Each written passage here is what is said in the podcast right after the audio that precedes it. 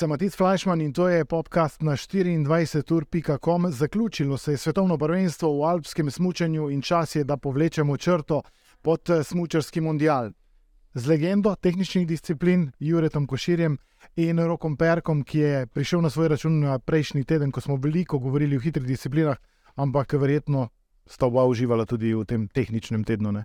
Ja, absolutno. Ja, res lepo, lep finale svetovnega prvenstva. Hvala, ker ste si vzeli čas in dobrodošla. Jure, začel bi s tabo, ker si zadnjič izpostavil eno, rekel bi, zelo, zelo smelo temo. In to je, da enostavno ta program z vsemi temi paralelnimi tekmami, ne vem, če je ravno najboljša promocija za alpsko smočenje, ker to neučakano stres, da stopnjuje, ampak to so tudi tekme, kjer prihajajo do poškodbe. Ja, mislim, kot prvo se vidi, da najboljši niso nastopili na teh tekmah. Ne. To že govori o teži oziroma vrednosti uh, teh tekmovanj, torej ekipne tekme, paralelne in pa potem posamezne paralelne tekme. In vkolikor niso vsi najboljši na štartu, je nekako že v štartu izgubi pomen. Ne. Zdaj vidi se, da FIS nekaj poizkuša, probava. Um, dobra zadeva se mi zdi ta čip na, na, na smočarskem čevlju, ki nekako kaže mm -hmm. aktualni čas na progi. Mogoče bi, ampak to so malenkosti. Jaz mislim, da bi morali še bolj zarezati v neko novostno. Um, ampak paralelne tekme to vsekakor niso. Rok paralelne tekme? ja, se strinjam z Juretom, um, absolutno. Čeprav, um, glede na to, da je bilo nekako mes, ravno med hitrim in tehničnim disciplinam, lepo vreme je bilo, uh, dosta fair pogoji, tudi je mogoče malo popestril, pa so dobili tudi recimo, tisti neki drugi, ki niso tako izraziti favoriti v tam močnih disciplinah, tudi šanso, da se malo izkažejo. Kot naprimer Šmit ja. od Nemcev.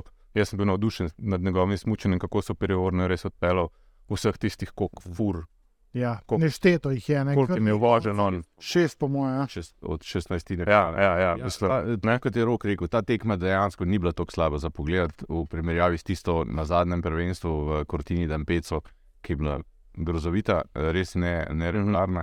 In ta tekma je bila ok, ampak manjka so pa asine. Ja, šel, škoda, ampak ja. Je pa to, kot smo nekako nastavili, ne, tudi nek poligon, če lahko tako rečemo zato da se mladi ali pa neuveljavljeni, da mu se raje tako izraziti, uh, privadijo na razmere, ki vladajo v svetovnem pokalu. Čeprav vemo, smešno je imeti neke tekme na programu svetovnega prvenstva, če jih skozi sezono praktično ni. Uh, in potem nekje poizkuša, da je pa to nek korak. Ne? Zdaj, če bi te tekme redno uvrščal na že tako zelo drugačen koledar od preteklosti. Uh, bi, bi verjetno zadeva bila drugačna, ampak ne vem. Videli pa smo recimo Miho Srbana, ki ga do zdaj nismo videli na tako velikem tekmovanju. Hmm. To je res, ne, vendar kdo se spomni, uh, kdo je bil pred štirimi leti ekipni svetovni prvak? Nagrajeno. Jaz sem. Ja. Ja, bom raje malo spil, se ne spomnim. Ja. recimo ekipa, ki je na tretjem mestu sestavljena vem, iz tak, takšnih uh, smočarjev, ki jih še ne poznamo. In zdaj, če je to način, da spoznamo nove, mislim, da ne. ne. Mislim, da eh, to je treba ustrajati pri neki tradiciji, kako prideti na vrh svetovnega pokala. Tudi konec koncev, eh, te, tudi če je nek tekmovalec, ki še ni uveljavljen v svetovnem pokalu, tukaj dobi medaljo, to še ne pomeni, da bo ranking karkoli izboljšal. Mhm. In je nekoliko umetno. No, Jaz mislim, da so drugi pristopi, ki bi lahko uh, dvignili zanimivost samih tekem, prenosov. Recimo. Jaz vsekakor bi, bi šel tukaj, sploh v hitrih disciplinah, z uh, obvezno uh, kamero na čeladi. Ja, POV. Ja, uh, to je dan danes. Da bi se približali malo MotoGP-ju, recimo, ja, z vsem tem prekoljevanjem. Povezava, uh, radijska povezava. V hitrih disciplinah je absolutno možno. Vsak smog ima 20 sekund ravninskega dela, kjer bi lahko tekmovalec dobil um, informacijo. To bi bilo zelo zanimivo. Jure, nisi bil zase, če le da eden izmed prvih takrat pač brikal. Ja, je to okorila. Vse vidimo, koliko je okorila, ker imamo situacijo z uh, Van Dirom, kjer ne more biti logotip Red Bulla na smuči. Ja. Zakaj? Um, istočasno je pa Kids bil, ko je smog, poletje. Kidsbill je Red Bull. ne. ki so bili Red Bull dogodek. ja. Uh, ene take, dost nelogične zadeve se dogajajo, in jaz mislim, da bi hitrejš moral tukaj reagirati in bolj sodobno. No. In potem pridemo do m, končnega izplena, žal na seznamu dobitnikov medalj. E, mislim, da je devet oziroma deset držav e, dobilo vsaj eno medaljo, ni Slovenije. Um, že zadnjič smo malce nakazali, to ni tragedija, je pa škoda, da se to ni zgodilo, kajti bila je neka kontinuiteta, vse do kortine, osvajanja vsaj ene medalje. E, so pa tu šesta mesta. Um, pa po drugi strani nek prikaz, kako zelo tesno skupaj so vsi ti najboljši. Uh, sploh eh, čakali smo ta vele slalom, omenili, da verjetno bo nekdo, ki bo presenetil. Uh, na drugi strani, prav na vrhu, presenečenja ni bilo, uh, Odermat je ha, še enkrat pokazal, zakaj je mogoče trenutno najboljši smočar.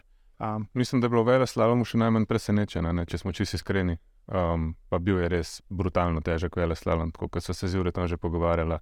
Mislim, strm, leden, temen, ekstremno leden in še dolžina je bila pač dolga. Nekako je Alta Badija je 1,19, 1,18, 1,17, pa je bil 1,20. ne.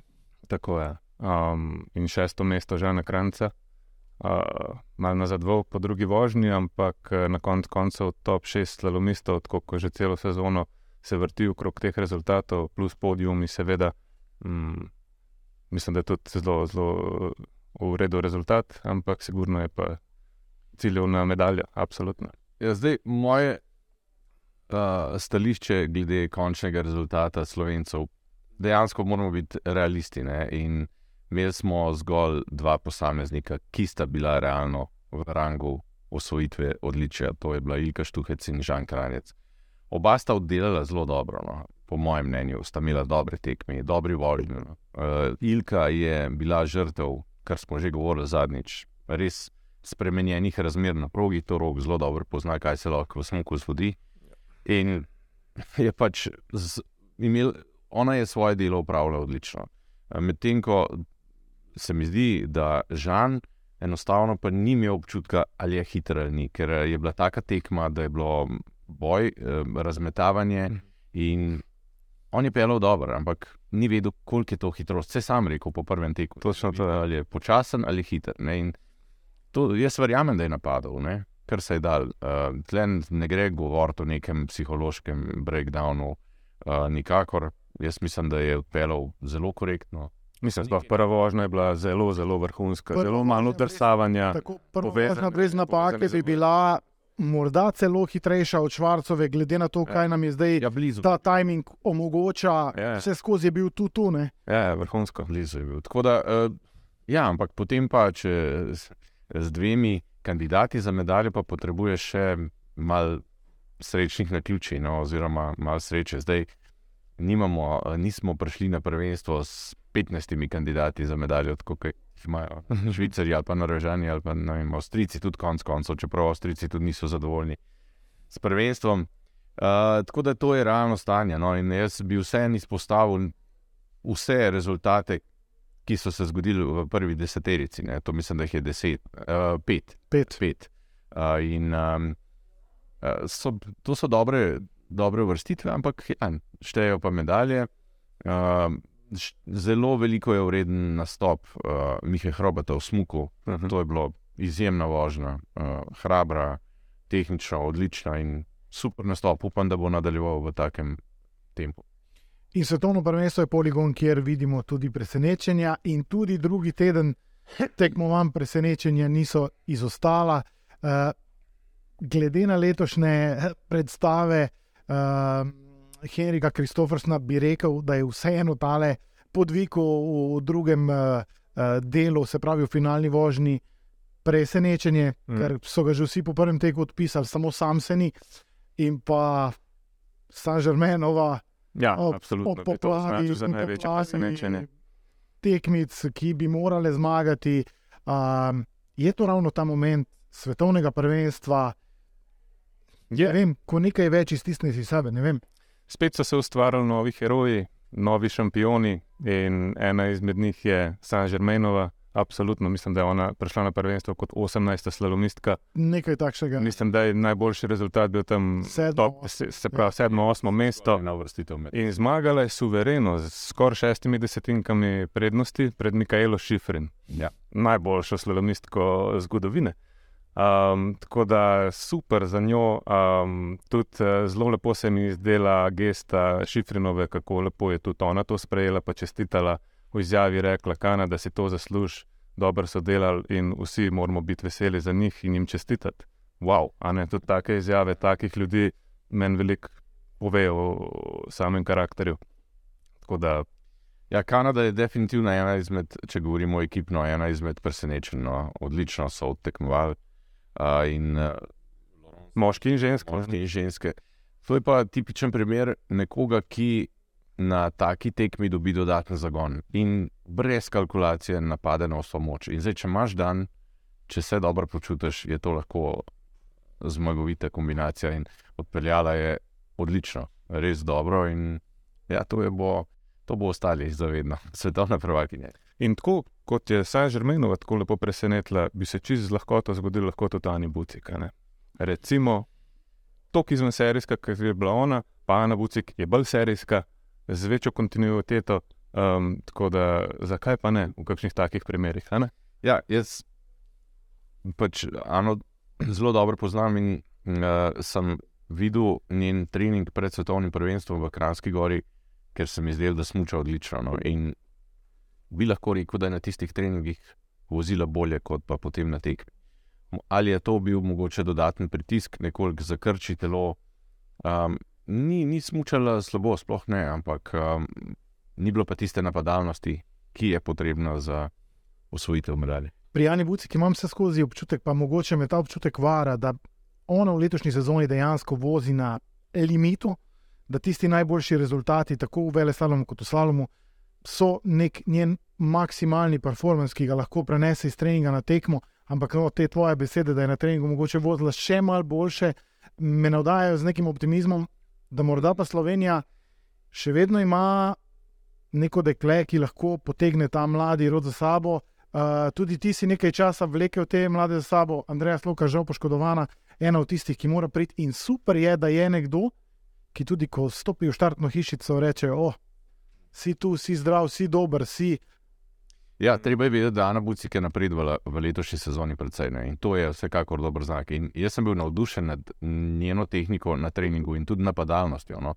Um, kdaj mogoče, ko se njej zgodi na faka, potrebuje nekaj urad, pet urad, recimo, da se ponovno ujame. Nima teh uh, hitrih reakcij toliko, uh, ampak dela pa zelo pridno, zelo um, vzorna športnica in že, pustimo se presenetiti. Jaz mislim, da še ni rekla zadnje. Torej, uvrstitev na stopničke svetovnega pokala v naslednji sezoni, ko govorimo o slalomu ali pa vele slalomu, in potem bo verjetno Ja, šlo samo. mislim, jaz bi Veš, kako gre. Ne? izredno prvošeno, da še to doživi. kako gre. Tipičen primer je, je Guinness, ne? AJ Guinness. Um, en rezultat, prej ni bil, ne vem, mogoče naj bi bil sploh med 15 prej. Glas. V Je, drugo mesto je bilo v Šamoniju. Ja, Šamoniju se mu zgodi ta rezultat in to je, uh, mi re, sem američani rekel, confidence booster. Ne? Ja. In uh, kar naenkrat se čuti, da je med temi najboljšimi in potem tudi nastopa tako. Ne? Torej, en odličen rezultat ti lahko da tisto malo, kar še rabiš za. In velike takih smočarjev in smočark, no, ki so ne vem, rangirani 40, pa bi rabili samo tak kik. ne. Mm. Uh, in in um, Guinness je res enkraten primer tega. Zapisal v zgodovino. Ja. Dajmo se ravno pri tem fantu zastaviti. Jure, ti si po mojem bil na štartu tudi, kdaj si imel še takrat, ko je on prihajal, ne to možnost, da si ga videl. Ali A je že tako star? ni tako star, ampak do zgodaj je začel, potem pa poškodba na poškodbo, uh, zdaj je star nekih. AJ Guinness je star 28 let. Ja. 28 Mislim, da je 94-letnik. Uh, to jaz uh, prav gotovo nisem z njim tekmoval, ampak uh, zgodbo poznam. No. Sicer tle uh, se zdaj, ja, Grk je drug. Grk je drugi, ja, vse razen Grk. Je tlo- Dobro, na papirju tako zgleda. To je kot Kiljan Albrecht, Bulgar. Tako. Ja, tako kot no, je prišla Janica, pa potem za njo Ivica, so jih Hrvati zdaj smučajo. Mislim, to geografsko je popolnoma nesmiselno. Zdaj, če je en uh, mlad človek deležen, bom rekel pa ne mlad človek, od otroštva deležen pravega vzgoja v športu, je lahko, po mojem mnenju, Kar hoče. Ne? tudi iz Južne Afrike. No, se je on je pol Grk, pol Američan, pravzaprav. Ja, ali pa Belgij. Uh, Pa celo Celam zdaj. tako, tudi oni celo že živijo v Avstriji, ne vem, 15 let. ja, pa celo mislim, da nekje pri 15 letih, da so šli živeti v Ameriko, uh, da je v Vermontu, pol tudi tam v tem lokalnem klubu delal oziroma se, se je uril.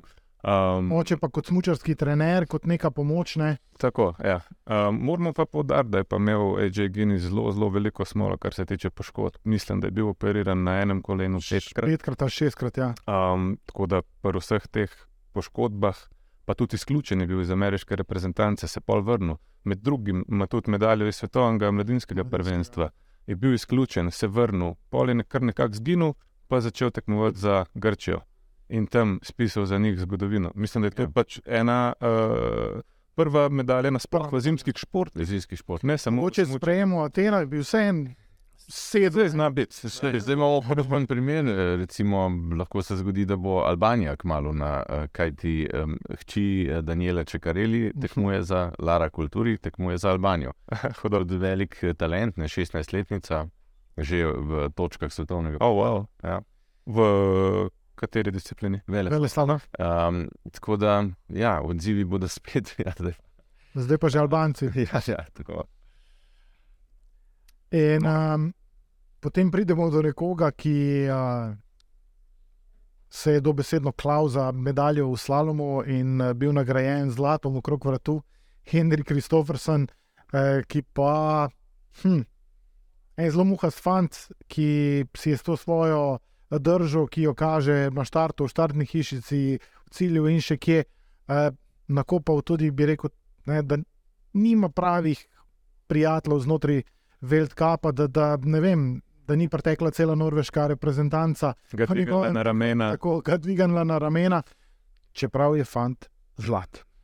Ja, pa zlat je že bil, ne? ampak um, njegova dejanja, reakcije po ali porazih ali po zmagah so takšne, da mnogo ljudi, pa tudi sto tekmovalcev, nekako odbije. No. Pa to je to, kar mi vidimo na kameri. Ja. Tistih par sekund. On, Ne vemo, kaj se še dogaja, pa v zadju vse te še ostale ure in dneve. on dejansko ni standardni član nor norveške ekipe, veliko se trenira individualno. No. V Hinterajtu. Tako, je, tako da je zelo težko ga imeti kot um, del ekipe, no, po mojem. Drugi del norveške ekipe se je pa ustvaril iz mladih fantov in so res odlična klapa. To Mhm. je Magra- Magrot, uh, potem uh, Broten in pa zdaj še Sten Sten Olsen, wow. um, pa še Solevok in jih imajo kar nekaj. No.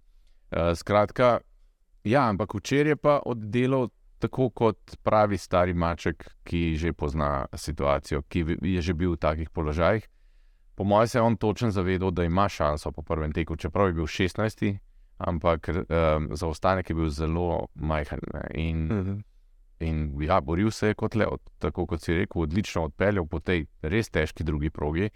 Um, ja, potem se pa. Izkoristil tudi zelo, zelo specifično postavitev drugega teka, ne? ker roko na srce, verjetno, Jure, ti boš bolj švedel, ampak uh, tako postavitev te fanti ne trenirajo več velikrat.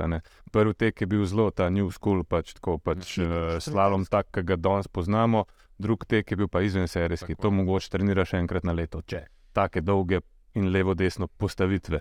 Tako da se je ja, najbolj fajn prilagodil človek. Meni se zdi zelo zanimivo, mislim, da bi morali več takih postavitev uh, biti. Um, videli se je, da so Nemci to trenirali. Ne? In je bil točen načrt, sicer za Štraserja, pa se ni Pa se Ni šlo. šlo. Ja. ni šlo, um, ampak za gledati je pa odlično, no, za voziti ne to. Mm, Čuden, čuden ritem. Je rekel bi, da je ta slalom v bistvu imel še enega velikega zmagovalca, čeprav ni tam stal ne in to je Marcel Hirscher. Absolutno. Blagovna znamka Vander, uh, z gafotom prelepljena na vsaki tekmi zaradi že znanih zgodb. Um, fant Henry Kristofers, nekoč največji tekmec Hirscherja, danes njegov ključni uh, tekmovalec, čeprav je še tam Timon Haugen, pa um, Charlie Repsov, ampak vseeno, da je zmagala smuča Vander, ki je letos Kakšna vstopila v svetovni pokal doživela tam totalno blokado, praktično se jih že hotlo vmes, je že Johan Elijaš govoril o tem, da jih bo izključili iz, iz, eh, iz Pula uh, in zdaj je na njih svetovni projekt. Super zgodba. Uh, mislim, da si želimo še več takšnih v smočarski industriji. Ampak po drugi strani pa to dokazuje, da okolikor so sredstva prava, ne, da se da narediti hmm. uh, dobro smočo. Ta uh, smočka ni izčarana iz um, nič, iz, iz nič, nič. prahu, ampak to je že obstoječe podjetje, ki je potem bilo nad, nadgrajeno. Um, super testna ekipa, ampak tudi mi lahko zdaj naredimo super testno ekipo. Sem, če nimamo rajderja. Ja, eh, treba je imeti, eh, seveda, podporo. Ampak zgodba je odlična in eh, razumem tudi eh, ne strah, ampak eh, paniko, ki je stala. Ja. Kaj ti tukaj vemo, predsednik katerega podjetja je Elijaš in tukaj je že konflikt interesov, po mojem mnenju, ogromen. Jaz niti ne bi uh, nekako pustil, da je lahko predsednik uh, Smučarske zveze istočasno v funkciji lastnika Heda. Lastnika, tako da uh, nesmiselno, jaz mislim, da bi morali.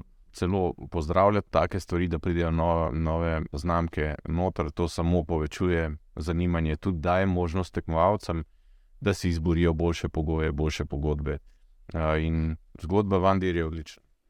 In ena zgodba mi je še zelo všeč, in to je večno uh, DNF, bi rekel, v letošnji sezoni, Štalek, Alex Vinacer. Uh, imel sem priložnost nekajkrat govoriti z njim, zelo zanimiv fant. Jure, ti ga poznaš še iz časov, ko je vozil na Nordiku, zdaj na Atomiku. Um, tista ena tekma, ki se mu je končno, končno sestavila, čeprav je že bil toliko krat, bi rekel, z glavo na odru za zmagovalce, pa ni videl cilja. Jaz sem, ki je dobil uh, odličje, sem pomislil, kako se vse vrne v športu. No, uh, uh, namreč v Kortini, da je bil četrti. Ne, in tukaj je bil pa tretji za 200 tinki, je dobil pred četrtim. Vse pride nazaj no, in ja, zasluženo. Je pa res, da fant smuča mi bi rekel, glicirane. Ja. Ja. Sedi nazaj in uh, se mu dogajajo napake. Ampak meni je všeč. Meni je všeč njegov pristop, svežina, vsekakor. Kako napada. Tudi. Mislim, je tudi mladinski svetovni prvak, takrat mislim, da je z dvemi sekundami. Ja. Ja, uh, in torej ima talent, ne? samo smuča pa res na, na, na konici noža, bi rekel. Uh, in uh, redko bi se sestavil vse skupaj je dobro vožnjo in tukaj mu je rad. Ma talent in tudi vero drugih. To dokazuje tudi, kako v mladih letih eh, predstavlja tudi enega izmed bolj močnih sponzorjev, Red Bull. Se pravi, tudi oni zelo verujejo v njega, ne? ker roko na srce, Alex ima do zdaj dva podijuma, dva tretja mesta, pa še to iz leta 20. Um, tako da vidijo ljudje nekaj v njemu. In jaz sem ga prav prvi tek gledal se rekel pismo, da je vina, ser stari, prosim te, prid do cilja, zato ker te hočem videti v drugi vožnji. In v prvem teku je, se pravi, je bil peti ali bil šesti. Šest. In se pol dokopal do te, bom rekel, kar zlate, bronaste medalje za njega in res, res, res dobra popestritev na podiumu. Res lep podium je bil, no, za moje pojme, super. Drugačen, ne? Ja, to. to. In um, zdaj, ko pade zastor na svetovno prvenstvo, a, lahko govorimo tudi o največjih zmagovalcih, pa velikih poražencih. Čeprav je predsednica Avstrijske smočarske zveze Rosvita Štadlober dejala, ne, da 4 do 6 medalj je njihov cilj, ne, v mislih je imela tudi kakšno zlato. Zlate. Te Avstrijci nimajo po ne vem koliko letih, a, skratka, njihovih sedem medalj verjetno ne v teh ta razočaranja, da nimajo enega svetovnega prvaka. Nikakor. Jaz mislim, da če bi zdaj osebno moral izpostaviti največje zmagovalce, jaz mislim, da je to Odrmat, vsekakor. In pa največji poraz je pa avstrijska celotna ekipa. Mislim, vse so imeli brone, pa nekaj srebra tudi, ampak v Avstriji velja naslov. Torej, um, in tudi včeraj, hud poraz, ne? fantov uh, Feler, nekako se, jaz res nisem. Ta primek je veliko poveme. Joj, zakaj? Pa je fant uh, zanimiv. Ja, jaz sem njegov navijalč, je tudi pera, zelo korekten, no, prijazen, ampak na ta način bo težko. No. No, lahko pa izpostavimo enega, za moje pojme, m, največjega bojevnika tega prvenstva, Marko Švarc. Mislim, ne vem, mogoče me ti boš ti bolj švedel, a je še kdo, ki je tekmoval v petih disciplinah od fantov? Je? Lase. Ne, ne, ne. Ne, ne, ne, tem leto prvenstvu. prvenstvo pa močno, Na tem prvenstvu. močno dvomim. S tem, da Marko Švarc ni dosegel slabšega rezultata kot šesto mesto. Uh, wow. ja, tisti, ki podrobneje spremljajo alpsko smučanje, vsekakor so videli to odlično smučanje. In treba je tudi povedati, da je imel zlato v kombinaciji praktično v žepu. Pa, Ne Pa dosegel. napaka. Tako. Uh, ja, in tehnično, in pa mislim, da se odpeleš in smuk tako dober, v bistvu si v boju za zlato. Mislim, pet disciplin. Slalomist, izrazit slalomist, ki je bil v smuku četrti, je. za, mislim, imel- za, za imel 300 finke. Fantastičen vele slalom. To, to mislim, da se ne zavedamo čist za dost, koliko res težko je voziti vseh teh dis, pet disciplin. To, to je približno tako, ne vem, kaj da bi Usain Bolt pač še odstekel 100 metrov po šprintov, pa bil pa prijavljen še na 400 metrov, 800 metrov, 1500 metrov, pa še 1500 z ovirami. Pa bil povsod v finalu. Tako, tako. To govori o, o izjemni trenutni formi, njegovi, eh, sicer je pokazal že letos, uh, predvsem v smukih, odlične vožnje, uh, ampak tukaj je bil on razpoložen res uh, zelo dobro, daleč najboljši od Avstrijcev. Ja. Prva vožnja vele slaloma. Uf. In zdaj prije neko obdobje, ne, od, verjamem, da v kar nekaj reprezentancah se bo spremenilo, zelo malo, kvečemu se bo kaj dodalo. Um, Švicari, dvomim, da imajo kak razlog za menjave. Mislite, da se bodo dogajale v Avstriji, glede na to, da tam pač vemo, um, dokler so rezultati, je vse super, ko rezultatov ni, je katastrofa, ne glede na to, da imajo sedem medalj. V Sloveniji bi verjetno uh, delali hude sprejeme v vsakem kraju, pa še v centru Ljubljane za take uspehe, ampak Jaz sem prepričan, da bodo spremembe v Avstriji, sploh na ženski strani. Ja. um, pa mogoče še to, um, kateri model načina dela, načina vodenja uh, je vredno posnemati v tem trenutku. Mene, recimo, so navdušili Kanačani, našli so nek način, Norvežani. ja, vendar le Norvežani razpolagajo z nekimi večjimi paketi, finančno in, in Jaz mislim, da niti ne. Ne? Anšo. Jaz mislim, da predvsem vzgoja njihovih športnikov se razlikuje od mnogih. Oni imajo um, te ski academies, smučarske gimnazije in to ne eno, to jih je po celi Norveški kar nekaj. In, Ja, in že pri telovadbi je smučanje, ne? Ja, in, pa in marsikateri šport, drugi šport. Uh, in potem v, odlično delajo v teh uh, gimnazijah, torej trenirajo odlično, šolanje, poskrbljeno, vse skupaj. Pa se pa iz tem izkristalizira Ja. to, kar gre v reprezentanco, nekateri pa grejo na študij. To si lepo povedal, vzgoja. a ne. Ja, in- Zelo konstantno prihajajo novi. Ne? Uh, vidimo, ne? vsako leto novo ime, tako pri ženskah, kot pri moških. In to je, po mojem, način pravi. Seveda je podprt tudi strani države, vsekakor, to more biti. Ne? In oni so ta sistem, po mojem, zelo dobro uh, iz, izvedli. Zdaj, kanadska, kako imajo pa oni, to pa jaz niti ne vem, moram biti odkrit in ne vem, kakšen imajo sistem z mladimi. Ampak dejstvo je, da zdaj le um, njihova ekipa dela odlično. no. Ja, zelo lepo so usmerjeni, bi jaz temu rekel, v tistem obdobju, nekje od 18 pa do 22 leta.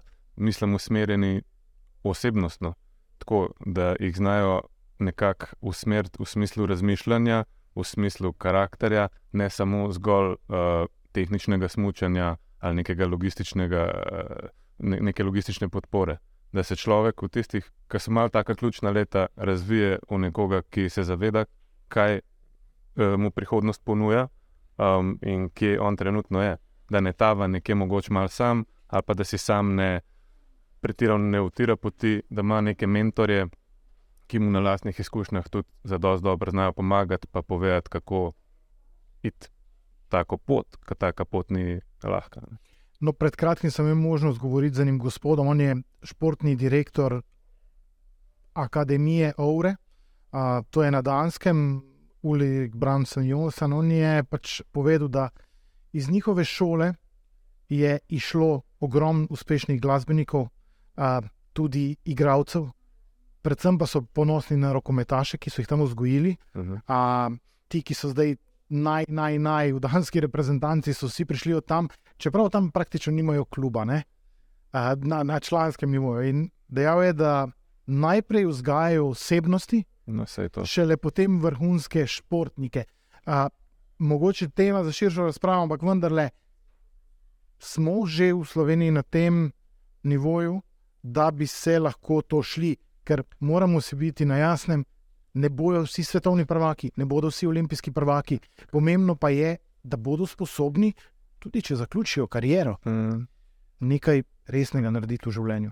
Zdaj, dejstvo je, da najbolj občutljiva leta za športnika so ta um, pozna najstniška leta, torej 17, 18, 19, 20. ne. In, in tukaj je potrebno najbolj pametno in, in taktično delati športnikom. Predvsem in tudi največjih tukaj kon, konča karijere. Sploh v Sloveniji, mislim, da jih je ogromno, ogromno.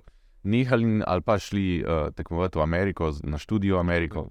Um, Tlej je treba imeti reseno, um, z- pa tudi vsak se drugače razvija, ne? vsak posameznik. In uh, delikatna leta, v katerih je treba delati res pametno, strokovno, in tleh vidim, da se temu posveča premalo pozornosti.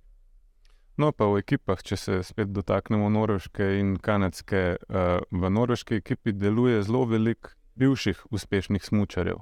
Eden med njimi je tudi naš Alek Glebo, ki zelo dobro funkcionira zdaj, ja, ja, um, z, z tehnično ekipo. Um, v Kanadski, to sem pa že zadnjič omenil, pa tudi zelo uspešen bivši smokač John Kučera. In te tekmovalci, sploh mladi, prejmejo, sem prepričan, ogromno zelo dobrih nasvetov od teh bivših uspešnih smočarjev, ker jim lahko povejo iz prve roke, iz svojih izkušenj, kako ta pot pelje. In zdaj, če je ta tekmovalec dovolj brihten oziroma inteligenten, bo to informacijo sprejel, Ja, prešparal svoj čas, če ima dovolj želje in, in zelo hitro prišel do, do nekega tega rezultata, ki ga hoče. Pa tudi tvoj sokrajan, uh, Jerry, ne, je No, ja, Andrej vse prisoten. Andrej Jerman na Norveškem že nekaj let, bil je na športni gimnaziji. Ja, sej, če bi, sorry, ki prekinjam, ampak če bi uh, dal, začel pisati, koliko slovencev deluje No, po to- svetu in kako cenjeni so, ne? pa govorimo tukaj v servisu, moj bivši serviser je No, ja, to je treba poudariti. Ja, to je zelo san žrme. Ja. Aha. Uh, sem mu poslal čestitke, Dušen kapš. sem rekel, končno si se do zlata dokopal. Um, ja, ampak res jih je ogromno po svetu in cenijo slovensko znanje. Ne? Torej, to pomeni, da smo mi tle uh, vse neka nacija, ki ima veliko izkušenj in znanja, in, ampak mi moramo zase sestaviti, ne, uh, tako da bo deloval dobro. ne. Uh, in predvsem govorim to o tem, kako bomo nove rodove vzgajali. In še ena stvar je zelo pomembna, um, in to je, rekel bi, ta izobraževalni moment, oziroma moment vstopanja v vrhunskost. Zdi se mi, da se dogajajo stvari, ki bi jih lahko tudi krmla organizacija z nekim smiselnim programom uh, peljala, da bi se znali tekmovalci, smočari in še kdo drug znajti v najbolj zahtevnih situacijah. A, situacija Štefana Hadalina ni od včeraj, ampak se je ponovila pol leta zatem, ko se je zgodilo prvič. Težko je soditi, kaj vse tam zraven sodi, ampak vendarle se zdi, da tu je lahko nek odločilen faktor, tudi nek človek na zvezi, ki dela s temi stvarmi. Konec koncev, ko se pogovarjamo tudi o stvareh, kot so marketing, PR in vse to, vse posod, ogromno prostora za napredek, in se mi zdi, da stvari stojijo. Ne vem, Jure, ti tudi prihajaš iz tega poslovnega dela, zelo si upet v poslovnem svetu. Kako mogoče ti vidiš te stvari? Moje mnenje je, da Smučarska zveza v zadnjih nekaj letih deluje bolje kot je prej. Uh, organizacija je boljša uh, in to v mnogih službah. No. Uh, je urejeno. Zdaj, mislim, da se moramo odmakniti tudi situacije Štefana Hadalina, ker ne poznamo dovolj. Mhm. Uh, tudi to je lahko, to je individuum. Ne? Torej, um, ne vemo, kako bo posameznik reagiral. Pa je lahko, jaz sem prepričan, da mu dajo maksimalen podpor. No. Uh, delujejo službe v redu, vendar kar jaz pogrešam, je pa koncept uh, za prihodnost. no. Še vsem se mi zdi, da se deluje preveč zdaj, zdaj, uh, a ne organizacija zdaj, ampak treba je pa imeti vizijo za naprej. Tukaj bi jaz um, želel, oziroma si želim, da bi bilo več uh, uh, nekako v- vključenih tudi v to, kako se bo v prihodnosti vzgajalo nove smočarje in smočarje. Rok bi kaj dodal. Ja, mogoče gremo lahko pa še en korak nazaj, tudi klubom. Kako se že v klubih trenutno uh, vse stvari To je osnovna Ja. celica. Ne? dogajajo, oziroma kako klubi funkcionirajo, ali pa oziroma še bolj nazaj, koliko otrok ima v današnjem času, ali pa koliko otrok bo imel čez leto, dve, uh, priložnost sploh še smučati, zaradi vsi vemo dobro znanih filan, finančnih zalogajev, ki ta šport jih trenutno prinaša. Ja. Um, to je pač tudi zgodba, mogoče kdaj še kasneje. Ampak jaz, ki sem videl zdaj v Dolomitih, Ratrak, pobrendiran v Emporiju Armani, um, se mi ima začel dozdevati, kam gre ta tendenca klientele, smučanja. Um, in se bojim, da čez dve, tri leta nek uh, povprečen človek sploh ne bo več Ja, čeprav po drugi strani smučal. imamo pa vseeno v Sloveniji neke zimsko-športne centre. Ne? Pa rečemo, uh, Kranska Gora, uh, tudi Maribor je bil dolga leta. In lahko se vzpostavi nek sistem dela z otroki tam, ne? ker je že na voljo. am- Vendar zato morajo biti vsi vključeni, torej in lastniki uh, žičničnih naprav, um, Smučarska zveza, klub, support, mislim, klubi životarijo, to je dejstvo. Večina klubov. In Zaradi tega potem pade toliko bremena na starše. Ne? In, ja, um, Mislim, da ogromen procent klubov deluje na privatni bazi, se pravi, da so sfinancirani iz strani staršev v ogromni količini denarja. Tako da pač samo, sam ta podatek pove dosti sam zase. Upamo, da bo v prihodnje bolje, da prihajajo resnično novi mladi in eh, zaključimo z neko, neko končno mislijo, Bolj pozitivno. bolj pozitivno. Uh, zanima me, se moramo bati za slovensko smučarsko prihodnost, ali se ni potrebno bati, glede na to, da v mladih selekcijah spet je nekaj materijala, spet je nekaj prvakov na stopnički nižje. Uh, torej, material, ki ga bo trebno izoblikovati. Ne? Ne, jaz bi rekel, da se ni treba bati, ne bo pa tako količinsko um, Bogato. bogato. Tako jaz je. bi se kar strinjal s tem. Um, lahko se zgodi, mislim, sej, kdo bi si pa mislil, da bomo imeli kolesarje, ne? dva kolesarja, ki sta, pa ne, niti dva, več jih ne, v tam vrhu. Tudi štiri. Kdo bi si mislil, da, da bomo imeli uh, najboljšega streljca v Ligi NBA. ne. Um, tako da lahko se zgodi marsikaj. In jaz sem, predvsem me navdušuje to, koliko Slovenci imajo še radi smučanje. Ne. Treba je vedeti, koliko, ta dejavnost, ne, koliko, koliko Slovencev gre vsako leto smučati. Ne. In to pomeni tudi, da bojo naučili otroke, da bo mnogo izmed teh otrok uh, navdušenih nad smučanjem. Zdaj, kako bomo pa uspeli zagotoviti, da se lahko vključijo potem v trenažni proces, pa kakšni bodo stroški za to. Ja, po drugi strani imamo pa možnost, da je popolnoma nek individuum se ustvari svojo ekipo. Ja, se pravi, naredila se bo selekcija. Pač ne bo sto uh, več talentov, ki bo smučalo v Sloveniji, ampak jih bo. 15. Prepričan pa sem osebno, da talent vsekakor imam. Jure Košerov Perko. Hvala lepa, da sta bila gosta po koncu svetovnega prvenstva v alpskem smučanju. Seveda na vajnih področjih veliko uspeha, verjamem pa, da bo kakšna zanimiva smučarska zgodba, kaj k malu in upam, da se takrat spet vidimo, da boste našla čas. Hvala. Super, hvala, za povabilo. To je bil eh, podcast na 24ur.com. Potegnili smo črto pod svetovno prvenstvo v alpskem smučanju, vi pa spremljate 24ur.com še naprej. Hvala za vašo pozornost in nasvidenje.